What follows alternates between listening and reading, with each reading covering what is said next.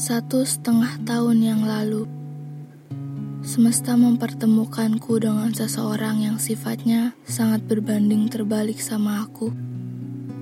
Dia yang cuek, dingin, dan irit bicara, sedangkan aku kebalikannya. Tapi sifat cuek, dingin, dan irit bicaranya seketika hilang saat dia sedang bersamaku sampai teman-teman dekatku dan teman sekelasku heran. Mereka bertanya, "Lo ada hubungan apa sama dia?" Jujur aja, kayaknya gue lihat-lihat cara dia mandang lo itu berbeda. Sebelumnya kita berkenalan di WhatsApp pada saat awal masuk kuliah. Karena aku benar-benar belum kenal dengan siapa pun, maka aku berusaha mendapatkan teman di grup jurusan. Terus tiba-tiba ada notifikasi pesan WhatsApp dari nomor yang gak dikenal. Dan dia yang pertama kali memperkenalkan dirinya. Kita ngobrol dan saling bertanya. Ternyata kita satu reguler. Karena di kampusku ada tiga reguler, reguler A, B, dan C. Kebetulan banget kita satu reguler A dan satu kelas. Bisa pas banget gitu ya. Waktu awal masuk pas propesa atau pengenalan mahasiswa dengan lingkungan kampus, kita janjian untuk datang bareng dan ketemuan di parkiran. Setelah itu, hari-hari berikutnya kita jadi komunikasi intens via pesan WhatsApp. Kita selalu janjian tiap pagi untuk berangkat ke kampus bareng dan selalu nunggu jam masuk kelas di parkiran berdua hampir setiap hari. Seiring berjalannya waktu, aku tersadar bahwa perasaanku ini gak bisa dibohongin. Sebenarnya aku marah sama diri aku sendiri. Kenapa aku melibatkan hati untuk sebuah hubungan pertemanan dengan laki-laki Padahal aku tahu resikonya mungkin akan berujung sakit. Perasaan yang datang seiring waktu karena tumbuhnya rasa nyaman. Ketika aku semakin dekat dengan dia, teman-temanku jadi semakin curiga dengan kedekatan kita. Dan teman-temanku sering bertanya ketika lagi kumpul bersama. Sebenarnya aku punya hubungan apa sama dia? Dan ketika aku jujur kalau aku dan dia sangat intens ngobrol via WhatsApp, mereka tidak percaya. Karena masa sih orang secuek dan sedingin dia jadi gak cuek di dekat aku? Dan setelah aku cerita semuanya dengan teman-temanku, gak tahu kenapa keesokan harinya dia menjauhiku. Aku bingung karena sebelumnya kita baik-baik saja dan gak ada masalah apa pun. Tapi sikapnya berubah kembali menjadi dingin dan dia tiba-tiba juga jadi menjauhiku. Dia menjauhiku selama setengah tahun dan dalam waktu itu aku selalu menunggu jawaban dari pertanyaan-pertanyaan yang hatiku sering tanyakan padaku. Kenapa dia berubah? Setelah kenaikan semester, aku pindah kelas.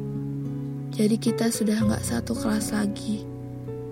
Dan pada saat aku berkesempatan bertemu dengan teman-temanku yang dulu, yang pernah aku ceritakan tentang kedekatanku dengannya, ada salah satu temanku yang bertanya, "Lo masih dekat sama dia?"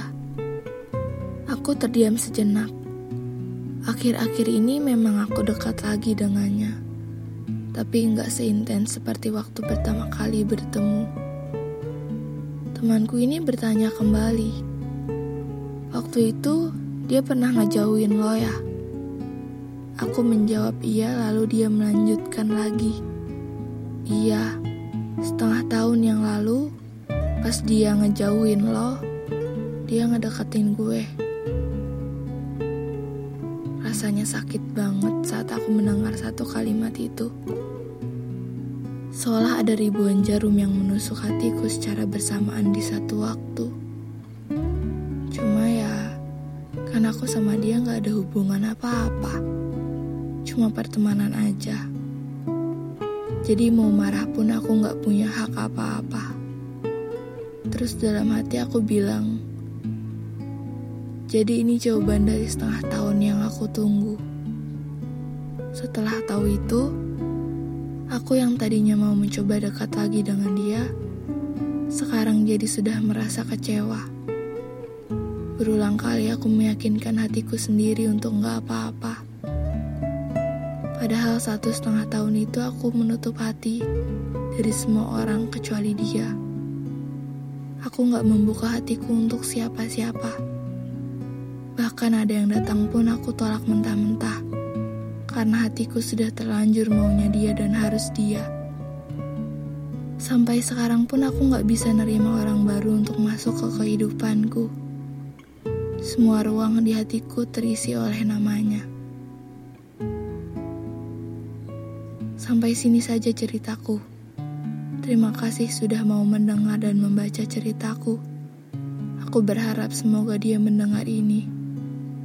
Terima kasih sudah hadir di dunia untuk bisa menyampaikan pesan yang gak bisa disampaikan sendiri kepada seseorang.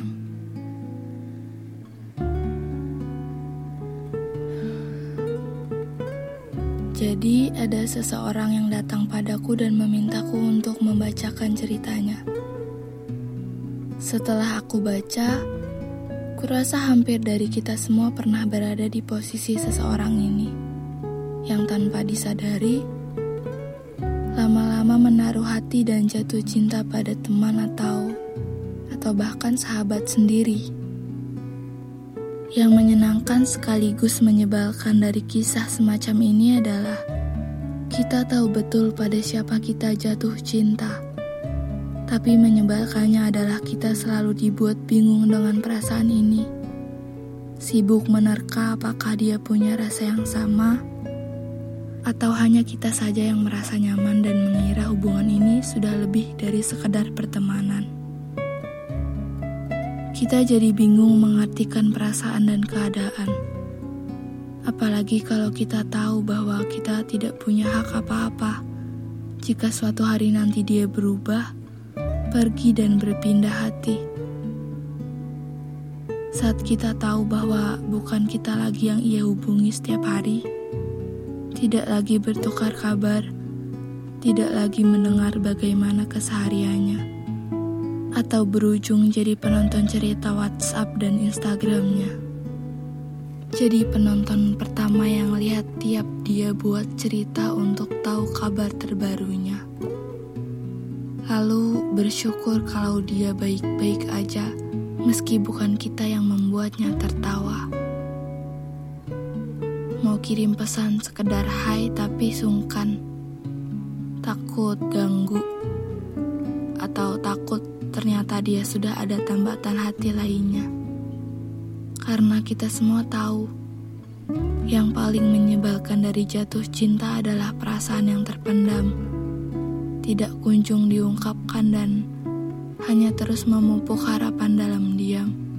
Semoga saja suatu hari nanti ia menyadari perasaan ini, lalu kembali. Dan yang menyebalkan dari kisah semacam ini adalah jatuh cinta sendirian.